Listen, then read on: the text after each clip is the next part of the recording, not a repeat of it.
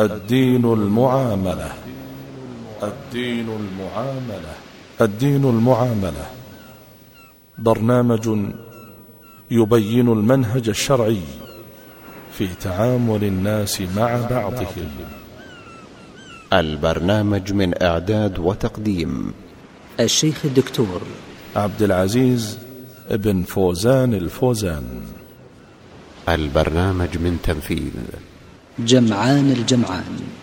بسم الله الرحمن الرحيم. الحمد لله رب العالمين والصلاة والسلام على عبده ورسوله نبينا محمد وعلى آله وصحبه أجمعين. أحبة الكرام سلام الله عليكم ورحمته وبركاته. تحدثت في حلقات ماضية عن بعض حقوق الأولاد قبل أن يخلقوا وحقوقهم وهم أجنة في بطون أمهاتهم وذكرت أيضا بعض حقوقهم بعد ولادتهم. ومن هذه الحقوق العدل بين الأولاد. إن العدل أيها الأحبة هو نظام كل شيء وهو أساس صلاحه واستقراره. وبالعدل قامت السماوات والأرض وبه يصلح أمر العالم ويستقيم نظامه. وليس شيء أسرع في خراب الأرض ولا أفسد لضمائر الخلق ولا أكثر تكديرا لهم وإشاعة للعداوة بينهم من الجور والظلم وعدل الوالد بين أولاده هو من توفيق الله عز وجل له وهو سبب من أسباب سعادته وهو دليل على كمال عقله وصدق أبوته وبعد نظره وحسن سياسته لأن العدل بين الأولاد سبب لتأليف قلوبهم وتوثيق المحبة والصلة بينهم.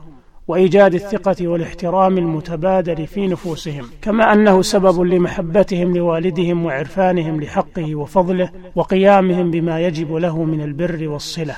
أما إذا كان الوالد على الضد من ذلك ففرق بين أولاده وفضل بعضهم على بعض في المعاملة والعطية بدافع من هواه وعاطفته فإن العداوة والشقاق يحلان محل التآلف والوفاق والقطيعة والعقوق محل البر والصلة والقيام بالحقوق فهو يجني بذلك على نفسه وعلى أولاده. أما جنايته على نفسه فإنه لم يعن أولاده المهضومين على بره وصلته بل حملهم بظلمه لهم على أن يعقوه ويقطعوه. ويقصر في حقه وما يجب له. وليس معنى ذلك أن الولد إذا شعر بظلم أبيه أنه يجوز له أن يعقه ويسيء إليه بل الواجب عليه أن يبره ولو أساء إليه لأن حق الوالد عظيم. ولكن لا شك أن مثل هذا الظلم الذي يحصل من بعض الآباء يؤثر في الأولاد وربما يوهن عزائمهم عن بر آبائهم والقيام بحقوقهم. وأما جنايته على أولاده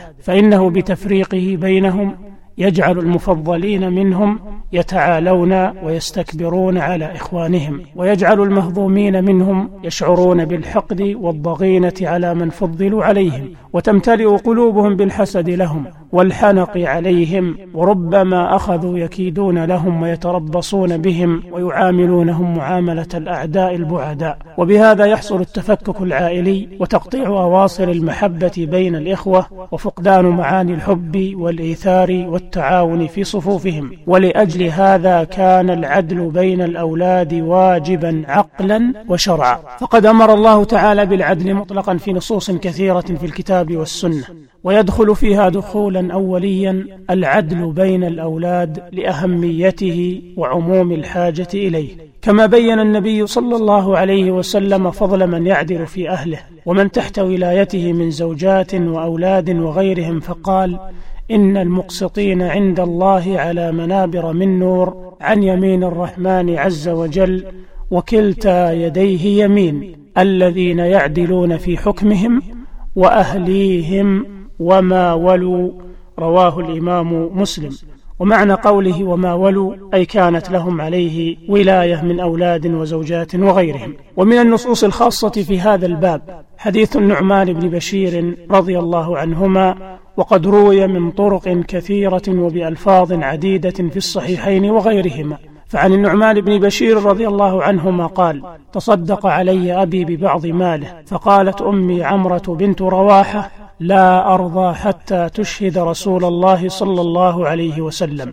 وكأنها رضي الله عنها وجدت في نفسها شيئا من هذه العطية التي أعطي ولدها النعمان دون إخوانه وأخواته. يقول النعمان فانطلق أبي إلى النبي صلى الله عليه وسلم ليشهده على صدقتي فقال له رسول الله صلى الله عليه وسلم أفعلت هذا بولدك كلهم؟ قال لا. قال اتقوا الله واعدلوا في أولادكم. فرجع أبي فرد تلك الصدقة. رواه البخاري ومسلم. وفي رواية لهما فقال رسول الله صلى الله عليه وسلم يا بشير ألك ولد سوى هذا؟ قال نعم. قال أكلهم وهبت له مثل هذا؟ قال لا. قال فلا تشهدني إذا فإني لا أشهد على جور. وفي رواية لمسلم أشهد على هذا غيري. ثم قال أيسرك أن يكونوا إليك في البر سواء؟ قال بلى. قال فلا إذن. يعني فلا تعطه دونهم. فإذا كنت يسرك أن يبروك جميعا وتريد هذا منهم فيجب أن تعدل بينهم جميعا. وفي رواية أخرى له قال أكل ولدك أعطيته هذا؟ قال لا. قال أليس تريد منهم البر؟ مثل ما تريد من ذا. قال بلى. قال فإني لا أشهد. وفي رواية له أيضا فليس يصلح هذا. وإني لا أشهد إلا على حق. وهذا يدل دلالة صريحة. على أن هذه العطية جائرة وليست من الحق. وفي رواية لأبي داود إن لهم عليك من الحق أن تعدل بينهم كما أن لك عليهم من الحق أن يبروك. والنبي صلى الله عليه وسلم بين في هذا الحديث كما نلاحظ الحكمة من وجوب العدل بين الأولاد كما نبهت على ذلك في أول حديثي وقد أجمع العلماء على استحباب التسوية بين الأولاد وكراهة التفضيل بينهم في العطية وغيرها. وكان السلف يستحبون أن يسووا بين أولادهم حتى في القبل. قال إبراهيم النخعي كانوا يستحبون أن يعدلوا بين أولادهم حتى في القبلة. وقال أحمد رضي الله عنه ورحمه لا ينبغي أن يفضل أحدا من ولده في طعام ولا غيره. وكان يقال يعدل بينهم في القبل. وأما التسوية بينهم في العطية فقد اختلف العلماء في وجوبها على قولين. والصحيح أنه يجب على الإنسان التسوية بين أولاده في العطية. فإن خص بعضهم بعطيته أو فاضل بينهم فيها أثم ووجبت عليه التسوية بينهم بأحد أمرين إما رد ما فضل به البعض وإما إتمام نصيب الآخرين. والدليل على هذا هو حديث النعمان بن بشير لأن النبي صلى الله عليه وسلم سمى فعله جورا والجور حرام. قال ابن حزم والجور لا يحل إمضاؤه في دين الله تعالى ولو جاز لجاز إمضاء كل جور وكل ظلم وهذا هدم الإسلام جهارا. ولأنه أمره برده والأمر يقتضي الوجوب ولأنه امتنع من الشهادة عليه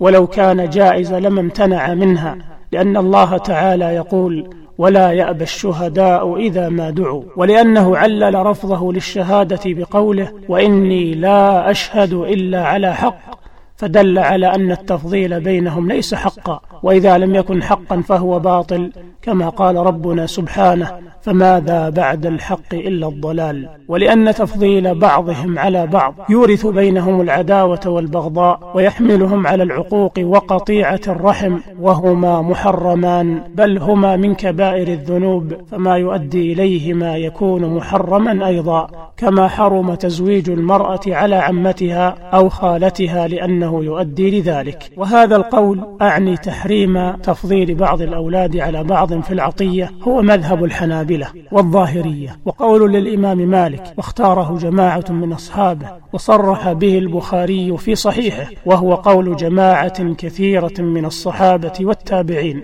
وقال أبو يوسف تجب التسوية إن قصد بالتفضيل الإضرار وذهب الجمهور إلى أن التسوية مستحبة فإن فضل بعضا على بعض صح وكره واستحبت المبادرة إلى التسوية أو الرجوع. فحملوا الأمر في قوله واعدلوا في أولادكم على الندب والنهي في قوله فلا إذن على التنزيه. وأجابوا عن حديث النعمان بأجوبة عشرة ذكرها وأطال القول في تفنيدها وشدد النكير على القائلين بها. الإمام ابن حزم في كتابه المحلى وذكرها كذلك وأجاب عنها ابن حجر في فتح الباري. واختصرها الشوكاني في نيل الأوطار ووضع عليها زيادات مفيدة.